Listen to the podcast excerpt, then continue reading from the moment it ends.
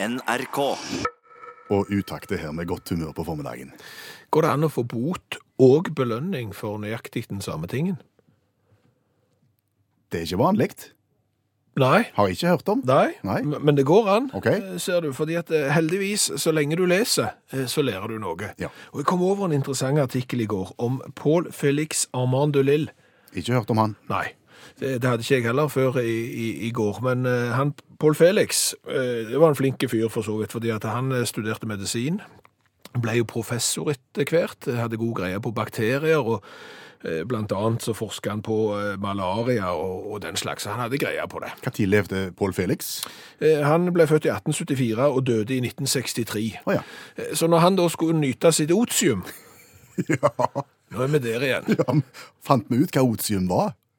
Ja, det, det er bedre enn opium. Ja, mye. Ja, det er ikke så, det så vanedannende. Men han skulle da nyte otiumet sitt eh, når han ble pensjonist, eh, og bosatte seg da på, på landsbygda litt, på et ganske stort gods. Ulempen med det godset var at det var kolossalt mye kaniner da. Å ja, sånne ville kaniner? Ja. Oh, ja. Så, så han var plagte. Oh. Paul Felix hadde kaninplage. og så husket han jo fra liksom, som, sitt liv som bakteriolog om, om ikke det var kaninplage i Australia òg. Det hadde det vært. For, for Australia det ble jo befolka av fanger fra England og kaniner. Og kaninene i Australia hadde ingen fiender, så de rett og slett formerte seg jo som Ville kaniner? Ja, ja. stemmer. Eh, Og så eh, tok de i bruk et virus. Myxomasotis. Vet ikke om det uttales sånn. Men det gjorde de i Australia. For å få bukt med kaninplagen? Ja, Ja. De, de infiserte rett og slett eh, kaninene med et virus, og så begynte kaninene å smitte hverandre, og vips, så var det langt færre kaniner enn det var i utgangspunktet. Og, og det husker Pål Felix? Ja, så, så han fikk jo tak i dette viruset. Hvor fikk han tak i det? Virusbutikken, God dag. Fører de virus? Nei, han, var- han, måtte, han måtte til Sveits, til et laboratorium. Så fikk han tak i dette viruset, og så infiserte han da to kaniner eh, på gården sin. OK, med, med sprøyta da, eller vet vi hvordan han gjorde det? Det er jeg ikke sikker på. Nei. Kanskje han bare pusta på. Jeg vet ikke hvordan du infiserer kaniner med virus, men han gjorde iallfall det. Virka det? Om det virka? Det virka kolossalt godt. I løpet av seks uker så var kaninbestanden på hans område redusert med 98 Og da er det ikke mange kaniner igjen. Nei, og han trodde jo at siden han bodde så grisgrendt til og hadde liksom et stort landområde sjøl, så ville kaninene liksom holde seg der, og det ville ikke spre seg. Nei. De gjorde det. Jeg hadde mistanke om det, ja. Ja, eh, for bare uker etterpå så fant de jo eh, døde, smitta kaniner 50 km vekke, og verre skulle det bli. I løpet av et år så var jo 45% av alle ville kaniner i Frankrike døde av denne sykdommen, og i tillegg 35% av de som hadde kaniner hjemme. Om du tror Pål Felix vet dette her på det tidspunktet og begynner å kjenne litt på trøkket? Mulig at da begynner det filler òg. Det her ble kanskje litt mer omfangsrikt enn jeg hadde tenkt meg, fordi at eh, kaninbestanden i Nederland, Belgia, Italia, Spania og til og med England Det har jeg lurt på. Hvorfor det spredde seg til England. Men det kan jo være en eller annen sånn kanin som har haika eller noe og satt på meg ferja og sagt at jeg hører det er en sånn en sykdom som sprer seg i Europa, så jeg må komme meg til England, og så var han allerede infisert. Hva vet jeg? Men hvordan vet de dette, da? At, hvor mange som var infisert? Fordi at hvis du drev med kaninjakt i, på 50-tallet, før Paul Felix drev og lekte med virus, Ja. så ble det tatt livet av 55 millioner kaniner i Europa på, på en jaktsesong. 55 millioner. Det er mye. Det er veldig mye. Eh, hvis du går til år og rett etter at Felix hadde les, lekt med virus, Ja. så ble det tatt livet av 1,3 millioner kaniner. Altså en reduksjon på 98 Og, og det skyldes at de, de ikke fant flere? Ja, da, det, de fleste kaninene var gått heden, for å si det sånn. Men, men, men du begynte å snakke om bot og belønning på samme tid. Ja, Og så kommer du inn på Pål Felix og virusen. ja, for det som jo da skjedde, var at i 1955 Ja. så ble Pål Felix tiltalt og dømt for å ha spredd dette viruset og tatt livet av alle disse eh, kaninene. Det var jo ikke store straffen, 5000 franc i bot, men, men han ble i hvert fall dømt. Året etterpå fikk han medalje Av av eh, Departementet for elver og skog, det er vel en sånn en avdeling for, for Landbruksdepartementet i, i Frankrike, de var kjempefornøyde med at de ikke hadde en kaninplage lenger, så da fikk jeg en gullmedalje med bilde av seg sjøl på den ene sida av gullmedaljen, og bilde av en død kanin på den andre. Au. Du, kryptovaluta. Det er et begrep som vi stadig hører om, eh, som vi ikke forstår. Har ikke spesielt god greie på det, men vi har jo forstått det sånn at det er jo en, en mynt som finnes på internettet. Og det er én bestemte mynt, så du kan eh, miste den. Eh, Han, han fins ikke, men han fins på en måte på samme måte. Men vi har jo som sagt ikke greie på det. Det var litt vagt, det var egentlig det. Ja. Så jeg tror nesten vi skal gå til lærerstanden for oss å få gjort noe med dette her. Vi kaller inn allmennlærer med to vekttall i musikk, Olav Hove, som vi alltid kaller inn når vi ikke forstår noe, og ber han forklare oss nå på en måte som vi skjønner det, kryptovaluta. Ja, det kan jeg jo godt gjøre, eh, egentlig. Jeg, jeg prøvde å gå litt inn i det, men det er ganske vanskelig, altså. Og, og, og utrolig kjedelig. Så eh, jeg kom over en del andre ting innenfor kryptoverden som var atskillig kjekkere. I går kveld for eksempel, så brukte jeg tiden min på å skaffe, skaffe meg min helt egen kryptokatt. Kryptokatt. Kryptokatt, ja. Hva er det? Nei, Da får du eh, utdelt en hann-kryptokatt og en ho-kryptokatt, og så må du gi dem litt privatliv. Kryptokatter er litt annerledes enn en vanlige katter, for de legger egg, nemlig. Og så la, så la denne her kryptokatten et egg, og det fikk jeg. Og så kunne jeg da klekke det med å klikke på det, og, og ut kom eh, Fleetwood. Det er min helt egen kryptokatt. Fleetwood Cat? Ja. det kan godt være. Så, så nå eier jeg da en katt. Hvite, svart i øynene, ikke noe særlig fine. Lite verdt. Men, men, eh, men han har sin egen DNA-kode. Og sine egne egenskaper. Eller katteributta, som de kaller det. Men må du passe på Fleetwood Cat? Eh, Må du liksom mate den? Må du sterilisere den? Må du holde den vekke fra Ja. andre katter, eller? Nei, det er lite kjeling med slike katter, så jeg må jo avle den opp, da. Tydeligvis. Og da koster det jo penger, selvfølgelig. Da må jeg betale i kryptovaluta. Så da, ja, Og, og det vet vi ikke helt hva er. Nei, vi har ikke helt peiling, så det er jeg litt forsiktig med for øyeblikket. da. Men han har egne egenskaper. Jeg tror de som lager egenskaper til kryptokatter, de har basert seg på norske kontaktannonser. For Fleetwood han er glad i damer, liker turer i skog og mark og samler på frimerker. Å ja, tar han gjerne et glass rødvin i ny og ne òg? Nei, ikke ennå, han er så ung. Han ble jo klekt i går kveld. Dette her er- omsetter de for 12 millioner dollar første året de er på med. Nå har de drevet på i ett og et halvt år. Nå har det passert over en million kryptokatter. da. Altså en eh, lekekatt på internett. Et slags samleobjekt, liksom. Ja, Akkurat som et slags fotballkort, bare at det er på nettet. da. Ok, Men kryptovalutaen, har du kommet lenger på det? Nei, jeg, nei, for ja, jeg tenkte nå må jeg gå inn på kryptovaluta, men så kom jeg over enda noe. For du tenker, hvis kryptokatt er sært, så er ikke det mye sært i forhold til kryptopupper. Fordi jeg kom inn på konseptet kryptopupper. Det er, det er selskapet kryptotittis.fun, de fun, ja. Ja, de, de har laget sine helt egne De har laget 144 ulike typer kryptopupper. Det er sånn avatarpupper hvis du er misfornøyd med egne. Hvis du er mann òg, altså, så kan du kjøpe da en kryptopupp. Og det jo sært ut, men jeg tenker jeg kan jo kjøpe det. Det så ikke så dyrt ut, da. Så jeg kom over et sett med lilla damepupper av navnet Genesis. Så tenkte jeg litt på dere, da, for jeg er jo så glad. Ja, ja, så tenkte jeg da skal jeg kjøpe, for det koster bare 3,05 eterum. Det er så kryptovaluta, da. Ja, så Det vet vi ikke helt hva. Nei, vi vet ikke så mye om. Tenkte det var ikke dyrt. Så jeg tenkte jeg kan kjøpe de puppene. Men da visste jeg over veien. Det er 3500 kroner oh, ja. konvertert til norske. Men så slår jeg det litt ifra meg. Men jeg er i tankeboksen, fordi at uh, disse her puppene, 144 puppene som er blitt lagd og er til salgs, har liksom ikke sleget så godt an. Ett år har jeg ligget ute, og det kun blitt solgt 36. Og nå for å, for å booste salget, som det heter, så det har blitt slik at uh, de som eier en kryptopupp, der kan folk gå inn. stemmer på den puppen de liker best, mot et vederlag på seks kroner. Så vil den som får flest stemmer på sin kryptopupp, vinne en speedbåt. En speed, ikke en speedo. Nei, men en ekte speedbåt. Så da tenker jeg at det er mulig jeg kjøper den her eh, kryptopuppen, da. eh, Genesis. Og hvis du er der ute, de har vel en del lyttere, har ikke de der? Hvis de surfer rundt på internett og kommer over kryptopupper, så gir jeg stemma til Genesis. Det koster ikke mer enn seks kroner, så skal de få en tur i speedbåten. Jeg lover det. Men, men kryptovaluta, det Nei, det er kjedelig og vanskelig. Jeg fikk fryktelig lyst til å spille Genesis nå. Olav Hove, allmennlærer med to vekttall i musikk. Du, noe helt annet. Ja. Se for deg at du går på et fortau, og imot deg så kommer det en kar som du ikke har sett siden russetida på videregående skole. Eh, Dere stopper opp, og så sier vedkommende 'Hei, det var lenge siden'. Hvordan går det med deg?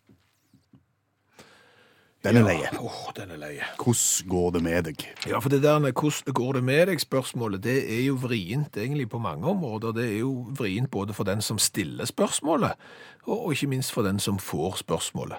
Ja, altså fordi at Får du spørsmålet av en som du ikke har sett siden videregående, Ja. eh, og det går ikke spesielt bra med deg, Ja. så har du ikke lyst til å begynne på den galeien der. Derfor så sier du antageligvis 'jo, går fint', og så kontrer du raskt tilbake 'hvordan går det med deg'? Ja, eh, og, og når du da har stilt spørsmålet hvordan går det med deg, så har du gjerne ikke forventa helt at du faktisk skal høre hvordan det går med den andre, for det har du gjerne ikke lyst til å høre på. Hvis du, som du sier, har tunge problemer, så gikk jo den dagen òg. Ja, ja, ja, ja. Men, men eh, likevel så tror jeg dette er kanskje den mest brukte åpningsfrasen når folk møtes på gata. Ja, Ja. Og, og stiller du 'hvordan går det med deg' spørsmålet, så må du jo faktisk forvente at du kan få svaret på hvordan det går med vedkommende, og det har du kanskje ikke lyst på. Nei, du har ikke tid, eller? Det er jo da utakt gjerne vil slå et slag for et ord og et uttrykk som vi har her i Rogaland, og som eh, det finnes andre deler av landet òg som har, men som ikke hele Norge bruker.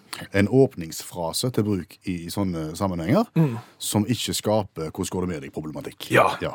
Og se for deg da at du er f.eks. på gata i Sandnes. Yes. i Rogaland. Eh, Så går du bortover der, og så ser du en eh, som du ikke har truffet siden dere gikk ut russ 1989, eh, og så sier du da Ja vel. Og da har du egentlig bare gjort det. Ja. Ja. Det er det uttrykket du skal bruke når du da treffer folk, og egentlig ikke har lyst til å innlede noen stor, dyp samtale om hvor mange ganger du er skilt, eh, hvor ungene bor, hvor dårlig økonomien er, og at psyken er på bånn. Ok, Men hva er det egentlig du spør om da når du sier ja vel? Alt. Ok, Altså, ja vel rommer alt. Ja vel er egentlig en liten 'hvordan går det med deg', uten at du forventer et svar på hvordan det faktisk går med deg. Mm. For det du egentlig forventer som svar, da, det er 'ja vel'. ja, for det er det jeg skulle til å si. Det er jo ofte sånn at motparten da kontrer en ja vel. Ja. Men da har han jo ikke kommet videre. Jo da, Har det? for all del. Fordi at en ja vel kan du da hive på. Hva er du i en slags situasjon når du avleverer ditt ja vel? Å ja vel, ute og handle. Stemmer. Akkurat. Og da kan du si ja vel, du òg. Og så er du strengt tatt ferdig, men du kan gå videre med et par ja vel til hvis du absolutt uh, må. Og været er jo ofte fint da. Ja vel, nei, det blåste mye nå. Ja, det, jo, det var kaldt, men litt mindre enn i går, heldigvis. Så det går etter veien. Ja vel, ja. Og så kan du si ha det, og da i stedet for å si ha det, så kan du også si ja vel, Ja vel, snakkes. og så går du. Ja, ok. Så ja vel er som eh, åpningsreplikk når du treffer noen som du egentlig ikke har lyst til å gå inn i en lang diskusjon om hvordan de egentlig har det, vil virke alltid. Ja. Iallfall sånn som vi har uh, erfart gjennom vår dialekt. Men kanskje finnes det en annen tilsvarende rundt omkring i landet som ikke vi kan? Ja, at eksempel Finnmark har sin egen ja vel, Ja. og, og at de i Oslo har en Nei, de har ikke ja vel. Nei. Nei. Men kan jo hende at det er andre ja veler der ute enn vår ja vel. Ja. Men hvis ikke, så anbefaler vi vår ja vel.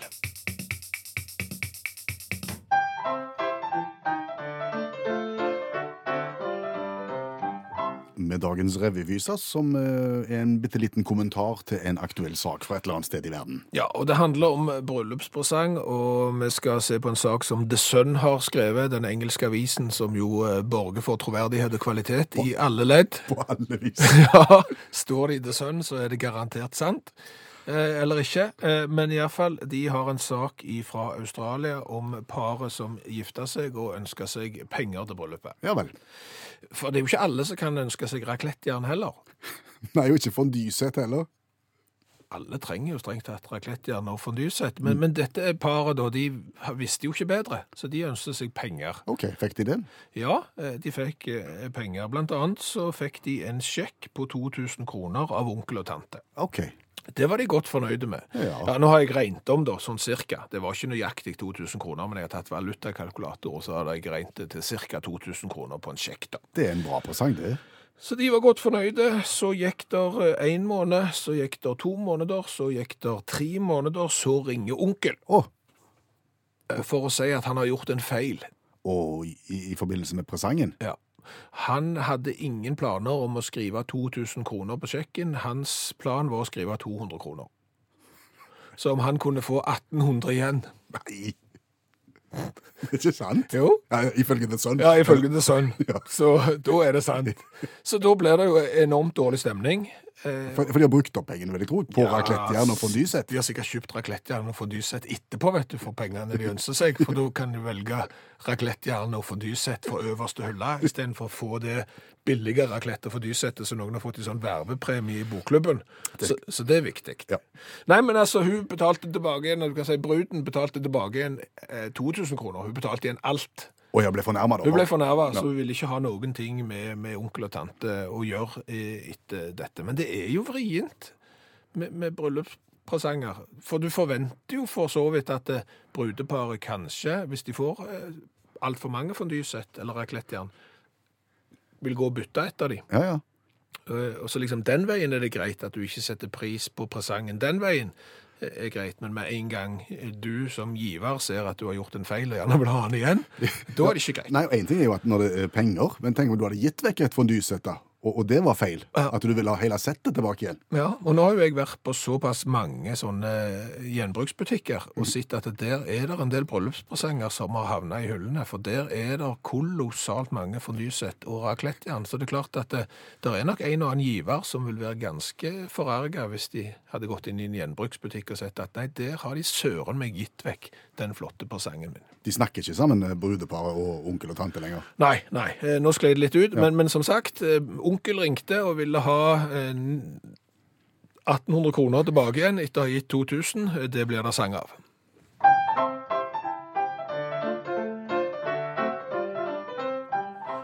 ønsket seg penger når de hymenslenka bandt, og det fikk de av onkel og tante. En sjekk på 2000 kroner var en hyggelig variant, men det som skjedde så, det er det interessante. For onkel hadde skrevet feil beløp på sjekken, ringte bruden for å opplyse om sprekken. Bryllupsgaven skulle være 10% av det de gav, så onkel sendte så et gjenbetalingskrav.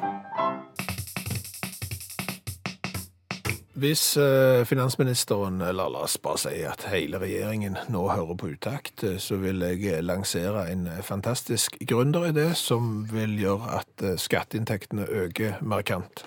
OK. Eh, bare for å sette ting litt i perspektiv. Gründerideene som vi tidligere i dette programmet har presentert, eh, med samme fynd og klem, Ja. hvor mange av dem har det blitt noe av? Ingen. Nei, Men en gang å bli den første. det er sant, det. Og i dag tror jeg at jeg er inne på noe, fordi at jeg vil gjerne lansere ideen om skattelotto for rike. Skattelotto for, for rike? Ja, for det er jo ofte, altså vi som er fattige, altså ikke, vi er ikke så fattige som de som er fattige, men vi som synes at det er noen som har for mye penger og betaler for lite skatt, vi reagerer jo på det. Og synes at hvis du tjener en milliard, så skal du betale mer enn 4 kroner og 50 øre i skatt. Så for å få opp skatteinntekten fra de rike, så lanserer jeg da skattelotto. OK, hvordan skal skattelottoen få rikingene til å betale mer skatt? Eh, Fordi at skattelottoen er egentlig et omvendt lottoprinsipp. Ja vel, fortell. Ja, så istedenfor at du betaler veldig lite i en inngangssum, og har en minimal sjanse for å vinne noe som helst, og iallfall for å vinne den store gevinsten, Sånn som det er i Lotto. ja, Ja. så er det sånn da i skattelotto for rike at du hiver inn kolossalt mye penger. Ja vel. Ja, eh, altså tjener du en milliard, så la oss si at du hiver inn 100 millioner da. I- Frivillig? Ja, ja, ja, det, altså det er jo skatt. Ja. Eh, Så det er jo egentlig det du skulle betalt i skatt. Kanskje du må øke bitte litt eh, for å tjene inn de pengene som jeg kommer til poeng her. Eh, Men i alle fall da hiver du, la oss si, inn 100 millioner eh, kroner i skattelottoen. De taper du. De taper du. Ja, mest sannsynlig så taper du de pengene, for du vet hvor vanskelig det er å vinne syv rett i lotto. Det er kolossalt vanskelig. Så de aller fleste i eh, skattelotto for rike, de vil tape innsatsen, og de pengene vil gå rett i potten til, til Fellesskapet. fellesskap, ja.